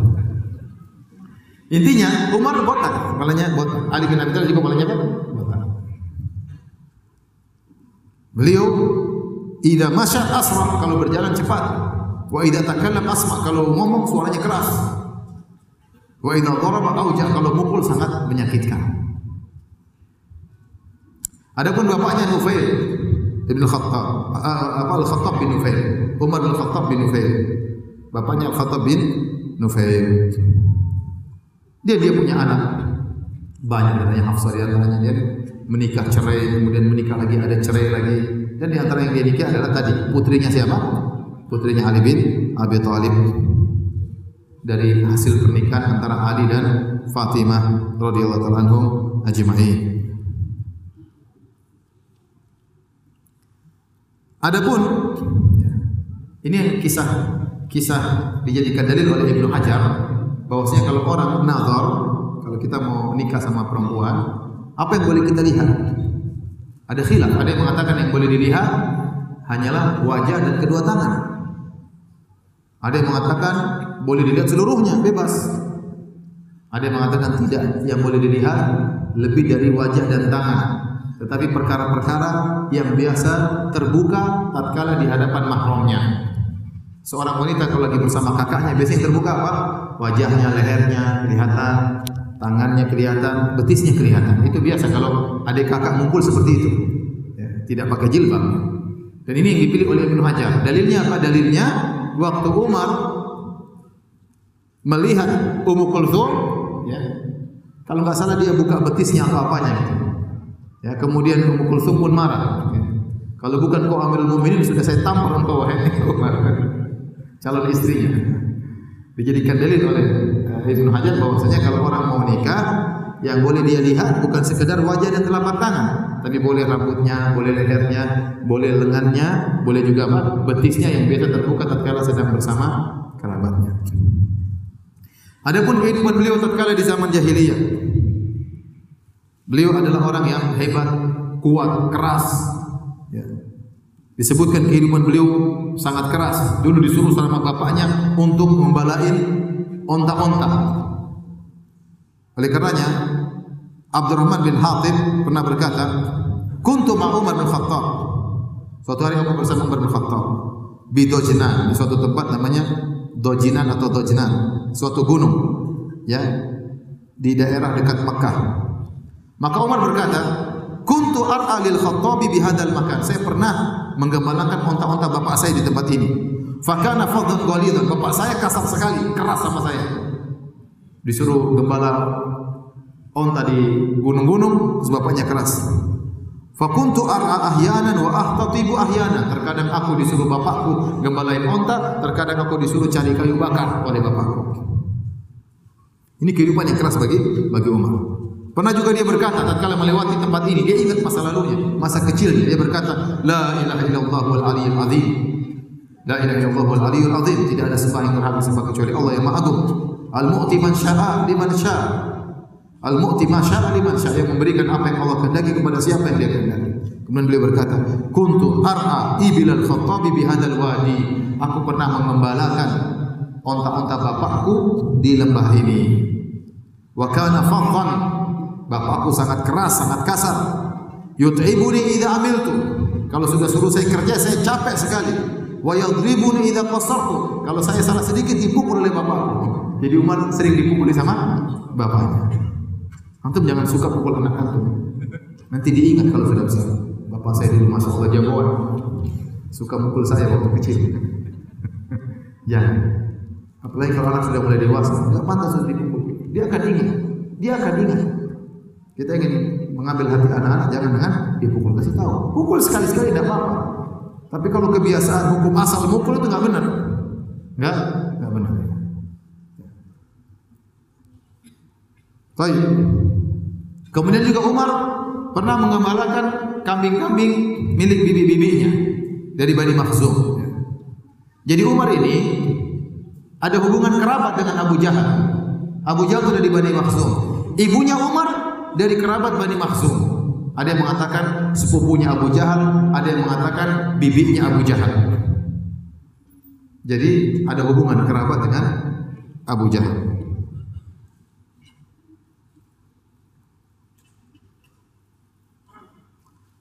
Adapun Umar waktu di masa jahiliyah, maka beliau adalah orang yang sangat kasar, sangat keras.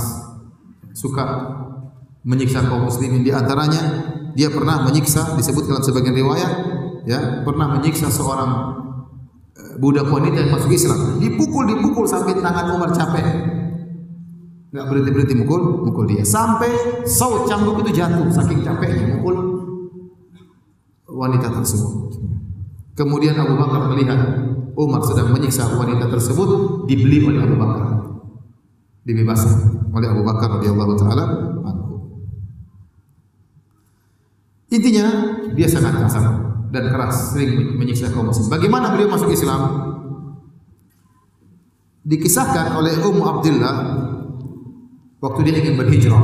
Jadi Umar masuk Islam itu tatkala menjelang hijrah. Ya. Atau tatkala berhijrah di di negeri Habasyah. Maka kata wanita ini Ummu Abdullah, "Lama kunna nartahil muhajirin ila Habasyah." Tatkala kami hendak berhijrah ke negeri Habasyah, aqbala Umar hatta waqafa alayya. Tiba-tiba Umar datang di depanku. Wa kunna nalqa minhul bala wal adha wal ghidha alayhi. Kami selalu diganggu oleh Umar, dikerasi oleh Umar, di disiksa oleh Umar. Tiba-tiba kami mau pergi, Umar datang. Faqala li Tiba-tiba Umar ngomong sama perempuan ini. Suaminya ke mana? Suaminya ada urusan. Itu perempuan lagi sendirian. Perempuan ini, ini Umar mau ngapain ini? Biasanya pukul orang, disinggung kita, kita mau pergi dia masih datang.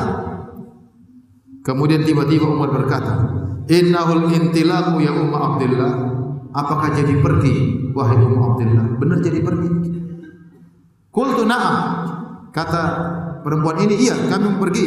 Wallahi lanakhrujanna fi ardillah. Demi Allah kami akan pergi ke bumi Allah yang luas. Adaitumuna, kalian selalu mengganggu kami. Wa qahartumuna, kalian paksa kami. Hatta yaj'alallahu lana farajan, sampai Allah berikan solusi bagi kami.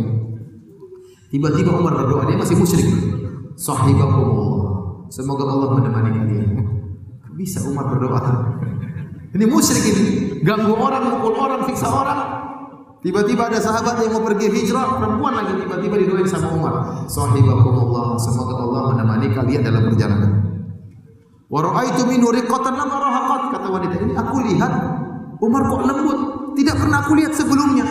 Umar biasanya kasar, keras. Ini tiba-tiba dia lembut, ada apa gerangan? Falamma ja'a Amir bin Rabi'ah tatkala suamiku datang, Waqad kana dhahaba fi ba'dhi haji, tadi dia pergi karena ada urusan, Fadzakartu lahu dzalik. Kemudian saya ceritakan kepada suamiku. Suamiku tadi kalau kau lihat Umar, Umar tadi tiba-tiba doain saya. Kayaknya dia sedih lihat kita mau pergi. Suaminya komentar. Ka'annaki qatamati fi Islam Umar. Sepertinya istriku kau ingin Islam masuk Umar. Kau ingin Umar masuk Islam ya? Qultu lahu na'am, iya saya ingin Umar masuk Islam. Apa kata suaminya? Innahu la yuslim hatta yuslima Khattab dia tidak akan masuk Islam sampai keledai bapaknya masuk Islam. Kata siapa? Kata suaminya. Enggak mungkin Islam masuk Islam. Ya Allah berkehendak lain. Nabi SAW berdoa dalam doanya. Nabi melihat Abu Jahal, Umar orang yang hebat, orang yang kuat, punya pengaruh luar biasa. Maka Nabi berdoa kepada Allah untuk dua orang kafir ini. Salah satunya harus masuk Islam. Kata Nabi, Allahumma Aizal Islam bi ahbir rajulain ilaik. Ya Allah, jayakanlah Islam dengan salah satu dari dua orang ini yang paling kau cintai. Terserah kau pilih yang mana ya Allah. Yang penting salah satu harus masuk Islam. Abu Jahal atau Umar bin Khattab. Nabi berdoa, terserah. Abu Jahal masuk Islam juga oke, okay. Umar masuk Islam juga apa? Oke, okay. Nabi berdoa. Ternyata yang paling dicintai oleh Allah adalah siapa? Umar. Dalam riwayat yang lain Nabi berdoa, Nabi lebih suka Umar yang masuk Islam. Maka Nabi berkata, Allahumma aizal Islam bi Umar bin Khattab. Ya Allah masukkanlah jayakan Islam dengan Umar bin Khattab radhiyallahu taala anhu. Dan inilah sebab utama kenapa Umar akhirnya masuk Islam. Banyak riwayat tentang Umar masuk Islam, tapi banyak riwayat tersebut dhaif, rata-rata dhaif. Di antaranya waktu diceritakan Umar ingin ambil pedang, ingin bunuh Rasulullah SAW, tiba-tiba dikabarkan, wahai Umar, adik perempuanmu saja sudah masuk Islam. Maka dia pun pulang ke rumah adiknya. Waktu ada suaminya, dipukullah suaminya, adiknya ditampar sampai berdarah. Kata Umar, waktu itu Umar sedih melihat adiknya, dia habis tampar dia menyesal. Kata Umar berikan itu Al-Quran yang kalian baca. Adiknya sembunyikan lembaran Al-Quran. Enggak, kau harus tidak boleh, tidak boleh baca itu. Enggak berikan, berikan. Enggak, kau najis. Kalau kau baca harus mandi dulu. Akhirnya Umar mandi, Umar baca ternyata surat Toha. Toha, ma anzalna alaikal Quran litashqa illa tadhkiratan liman yakhsha dan seterusnya sampai Allahu la ilaha illa huwa lahul asmaul husna sampai innani ana Allahu la ilaha illa ana fa'budni wa aqimi salat lidzikri baca banyak ayatnya dibaca tahu-tahu Umar masuk Islam ini riwayat masyhur tapi riwayatnya dhaif secara sanad riwayatnya apa dhaif tapi sering disebutkan oleh para para ulama dalam buku-buku sirah mereka intinya setelah Umar masuk Islam ya maka Umar pun datang kepada Nabi sallallahu alaihi wasallam. Kemudian Umar ketuk pintu, ingin menyatakan Islam di hadapan Nabi. Dia ketuk pintu. Para sahabat tahu ini suaranya Umar. Nggak ada yang berani buka. Umar ini gawat. Kata Hamzah, Hamzah juga jagoan. Nanti kalau kita bicara tentang perang, Hamzah jago. Kata Hamzah, bukakan pintu. Kalau dia masuk Islam, alhamdulillah. Kalau enggak, bunuh dia gampang. Tidak susah bunuh dia. Sini. Ternyata Umar waktu buka pintu, dibuka pintu buat Umar, ternyata Umar menyatakan apa? Islamnya kepada Nabi Shallallahu Alaihi Wasallam. Setelah Umar masuk Islam, Umar ingin melaporkan Islamnya kepada seluruh kaum Quraisy. Umar bertanya, siapa orang Quraisy yang paling suka nyebar berita, yang paling ember mulutnya siapa? si Fulan. Si Fulan ya, Umar datang. Fulan, tahukah kamu? Saya sudah masuk Islam. Dia belum sempat ngomong, langsung dia kabur pergi ke orang-orang Quraisy. Islam, Umar qad Umar sudah keluar dari adat nenek moyang. Umar ikut dia, ikut terus. Kata Umar, tidak, saya sudah masuk Islam. Jadi memang sengaja Umar cari perkara. Semua orang masuk Islam sembunyi-sembunyi, Umar cari perkara. Keluar. Makanya disebutkan dalam asar waktu Umar mau berhijrah, semua sahabat hijrah sembunyi-sembunyi ke kota Madinah. Semua sembunyi-sembunyi. Umar tidak. Dia datang ke depan Ka'bah, dia tawaf di depan orang Quraisy semua dia tawaf. Setelah dia tawaf dia salat dua rakaat. Setelah itu dia datang orang Quraisy. Saya mau hijrah kata Umar. Yang mau hadang silakan. Yang ingin besok anaknya yatim. yang ingin ibunya besok nangis, hadang saya. Semua bingung. Jadi dia hebat luar biasa. Antum jangan begitu. Nanti khawatirnya antum yang anaknya yatim. Karena memang dia hebat, jagoan. Oleh karenanya, setelah Umar masuk Islam ada perubahan dalam Islam. Ya. Sampai Ibnu Mas'ud radhiyallahu anhu uh, pernah berkata, "Mazilna aizza mundu aslama Umar." Kami akhirnya menjadi jaya semenjak Umar masuk Islam. Kami dahulu tidak mampu sholat di Masjid Haram. Sahabat-sahabat yang kabilahnya enggak besar, kabilahnya kecil-kecil enggak berani sholat di Masjid Haram. Kenapa? Kalau sholat diganggu sama orang musyrikin. Tapi kalau Nabi berani karena Nabi kabilahnya terkenal Bani Hashim. Abu Bakar juga berani Quraisy. Tapi sahabat-sahabat seperti Ibnu Mas'ud yang kabilahnya kecil-kecil enggak berani sholat di Masjid Haram. Tapi setelah Umar masuk Islam, mereka berani. Kenapa? Ada yang larang-larang harus berhadapan dengan siapa? Umar. Tapi hadirin hadirin yang hadir subhanahu wa taala, ini ya sekedar awal dari kisah Umar bin Khattab ya. Kisahnya panjang ya. Mudah-mudahan nanti di kesempatan lain bisa kita lanjutkan. Allah taala bisawab. Kalau ada yang bertanya saya persilahkan.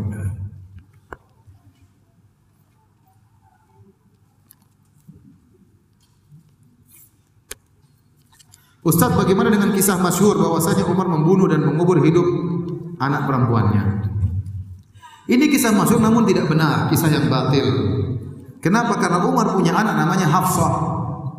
Hafsah itu ya waktu Umar masih musyrik sudah ada Hafsah. Sampai dikatakan dia diberi gelar diberi kunyah Abu Hafs karena putrinya ini Hafsah yang paling tua. Allah alam bisawab. Tetapi waktu dia masih musyrik ya dia sudah punya putri namanya Hafsah. Seandainya hobi Umar adalah membunuh, mengubur diri anak perempuan maka Hafsah tidak ada. Ya, maka riwayat tentang Umar membunuh anaknya masih kecil itu meskipun masyhur tapi itu adalah riwayat yang palsu, enggak ada riwayatnya.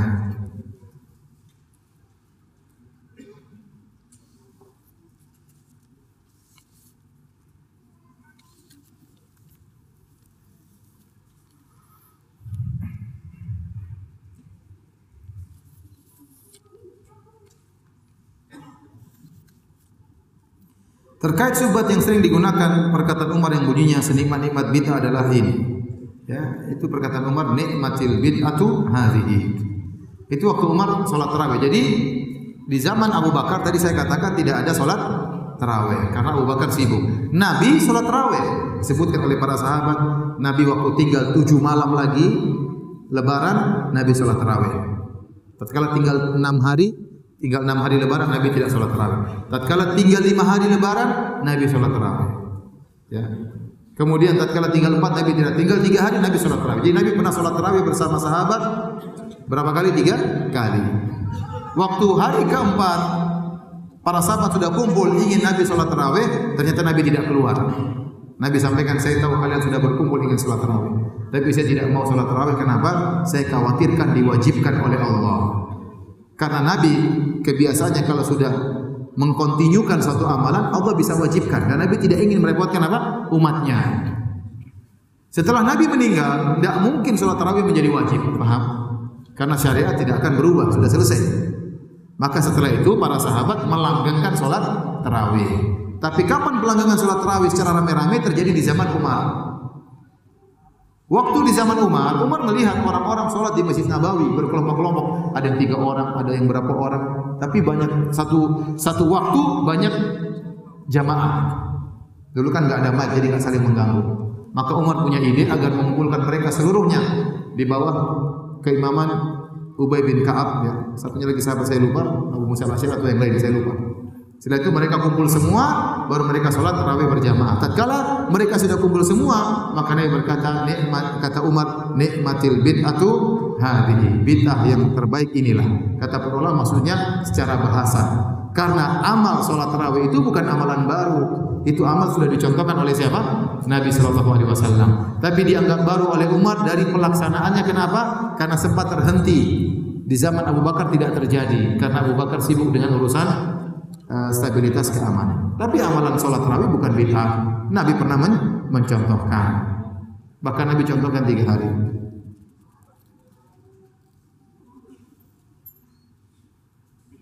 Ustadz saya minta nasihatnya karena saya sering sholat, kajian dan ibadah lainnya hanya karena disuruh orang tua. saya tidak mengharap pahala tapi saya hanya niatkan karena Allah saja. Ya sayang ya jadi niatnya ditambah, niat untuk menyenangkan hati orang tua dan niat karena Allah Subhanahu wa taala. Toh tetap saja datang pengajian, toh tetap saja sholat, mau enggak mau tetap apa? Sholat. Dia tinggal ditambah niatnya. Ya, bahwasanya hidup ini ya saya perlu punya bekal di akhirat. Alhamdulillah saya pun sholat, saya pun di pengajian meskipun dipaksa orang orang tua. Niatkan niatnya dibenar, dibenar, dibenahi, dibenarkan niatnya karena ya ikhwan kita semua akan meninggal dunia dan kita butuh apa?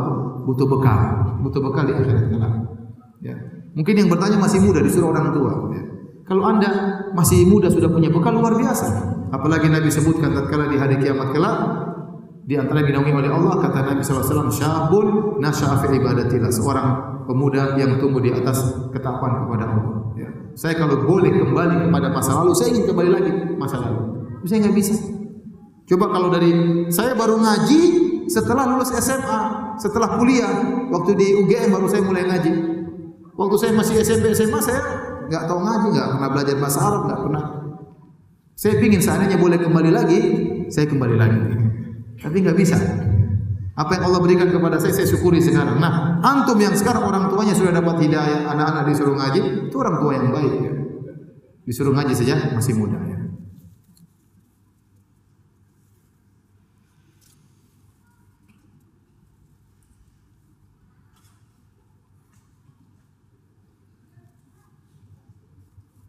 Seperti yang Ustaz jelaskan dalam ceramah, begitu lembutnya hati Nabi sampai orang paling musuhinya pun tetap dia baik dan memaafkan. Bagaimana cara menasihati saudara kita saat dia disakiti saudaranya? Dinasihati untuk memaafkan seperti akhlak Nabi dia menjawab, "Ya, itu kan Nabi, saya bukan Nabi." Padahal dia juga rajin taklim. Ya sudah, hidayah di tangan Allah. Tapi antum sampaikan aja. Kadang orang ego di depan dia. Itu kan Nabi, tapi pulang dia mikir juga. Nah, apa? Sampaikan aja. Itu kan Nabi, itu Nabi kan kasih contoh sama kita. Pahala yang maafkan kayak gini, gini, gini. Pahala mengalahkan ego. Itu berat memang, berat. Kita punya masalah sama kerabat. Apalagi yang masalah tersebut kita yang benar dia yang salah. Apalagi kita yang tua dia yang lebih kecil. Terus dia tidak mau minta maaf sama kita. Oh, kita kadang egonya nah, tapi sudah ngapain kita ego-egoan di dunia ini hidup cuma sebentar kebahagiaan kita terganggu dengan adanya pertikaian di antara keluarga, sabar, ya, maafkan aja mau diapain. Sudah ditakdirkan oleh Allah 50 ribu tahun sebelum Allah ciptakan langit dan bumi.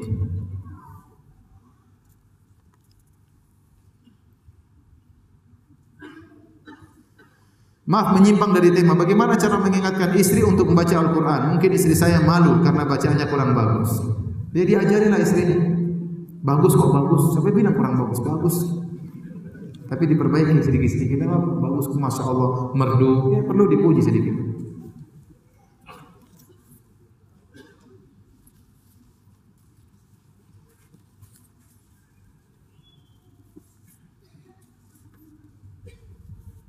Apa dasar dalil musik itu haram? Musik haram itu ijma ulama.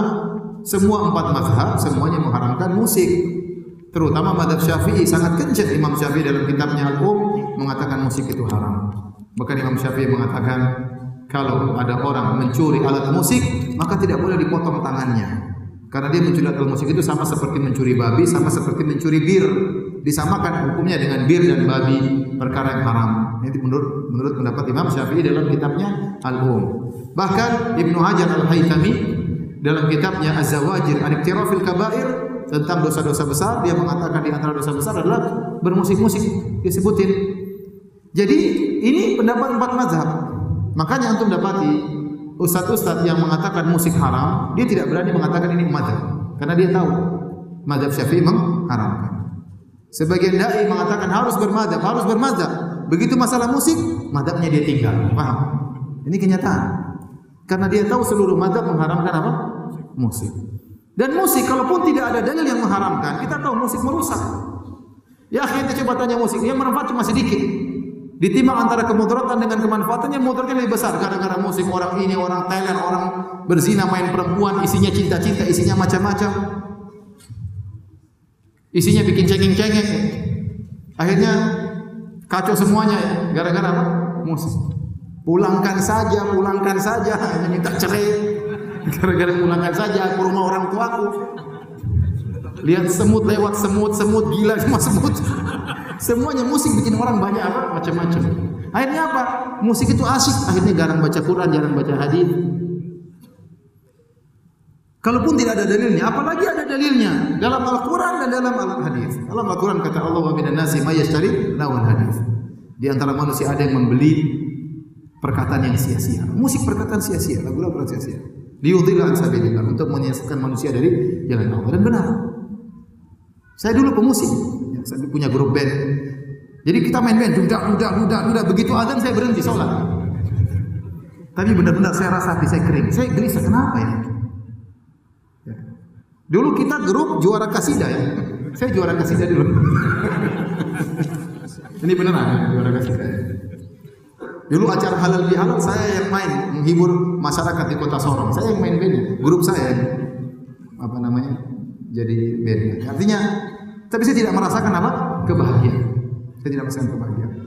Banyak orang cari kebahagiaan dengan musik dia tidak bahagia. Ini sering saya sampaikan. Beda antara kebahagiaan dengan kelezatan.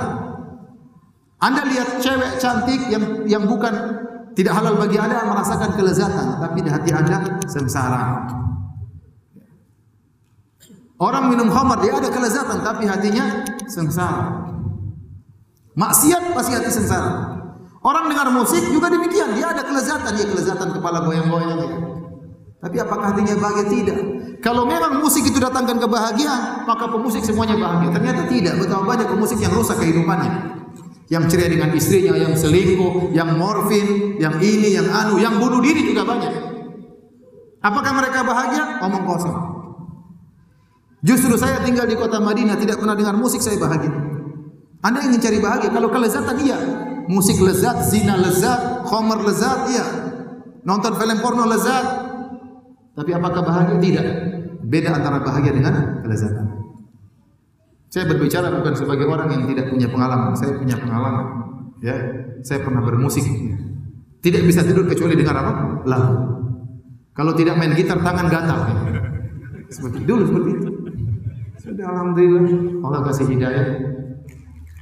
Tahu kenapa saya berhenti dengar musik? Suatu hari saya pergi ke Ustadz Ustadz Muhammadiyah Semoga Allah beri kebaikan kepada dia. Saya datang Ustaz. Besok acara halal bihalal Ustaz. Terus kenapa? Saya bagian musiknya Ustaz. Tapi saya kalau mau main musik saya takut riak Ustaz. Saya mau pamer main gitar. Kata Ustaznya, jadi gimana Ustaz? Saya main atau tidak? Ini kan amal soleh, tapi saya takut riak. Kata Ustaznya, musik itu haram. Wih, kaget saya. Baru tahu ada orang bilang musik. Seumur hidup saya nggak pernah dengar kecuali Baru dia ngomong musik itu haram. Saya kaget luar biasa. Tapi saya belum tinggalkan musik, cuma gelisah. Masa sih haram? Masa Ustadz ngawur? Punya saya bergejolak, tapi saya timbang-timbang lagi benar. Selama ini saya sholat, kalau habis musikan hati saya nggak tenteram, nggak bisa khusyuk. Tapi itu awal yang buat saya kaget. Sampai orang bilang, apa bisa orang hidup tanpa musik? Bisa. Di Madinah kita hidup tanpa musik tenteram. Masuk ke mall dengar Al-Quran, indah hidup itu. Jadi musik itu haram. Dalam hadis kata Rasulullah SAW dalam Sahih Al Bukhari, la yakunanna aqwamu min ummati yastahilluna al-hiram wal harir wal khamr wal ma'azif. Akan ada dari umatku yang menghalalkan zina, menghalalkan kain sutra bagi laki-laki, menghalalkan khamar bir dan menghalalkan alat musik. Ini serangkaian dan sudah ada orang yang menghalalkan. Jangankan zina, LGBT dihalalkan sekarang. Ya. Kain sutra dihalalkan, khamar dihalalkan, alat musik juga dihalalkan. Jadi dalilnya ada. Oh, Ustaz hadisnya dhaif. Siapa yang mendhaifkan? Para ulama semua Imam Bukhari mensahihkan, seluruh ulama mensahihkan. Ada yang mendhaifkan satu dua orang ulama, mereka salah. Ibnu Hazm mendhaifkan, Yusuf Al-Qardawi bukan ahli hadis mendhaifkan. Ya ulama-ulama besar ahli hadis semua mensahihkan. Oleh karena para hadirin Allah Subhanahu wa taala, jadi musik kalau belum mampu meninggalkan pelan-pelan pelan-pelan. Ya, dirubah dari metal jadi jazz, jazz jadi kasidah. kasidah jadi nasid, nasid jadi Al-Qur'an selesai. Pelan-pelan. Kalau memang belum bisa, kalau bisa alhamdulillah langsung tinggal. Di antara bahagia yang saya dengar kemarin habis ngisi di Istiqlal ada yang tanya Ustaz, saya punya serawat saudara punya gitar berapa gitar nilainya satu miliar dia sudah tobat dari musik satu miliar bayangkan apa yang harus dia lakukan Dijual apa dibakar? Saya bilang Allah alam. Demikian para hadirin kajian kita pada kesempatan kali ini. Semoga Allah Subhanahu wa taala mengumpulkan kita dengan Umar bin Khattab di surganya kelak ya dengan karunia-Nya dan rahmatnya. Subhanakallah bihamdik asyhadu an la ilaha anta astaghfiruka wa atubu ilaik. Assalamualaikum warahmatullahi wabarakatuh.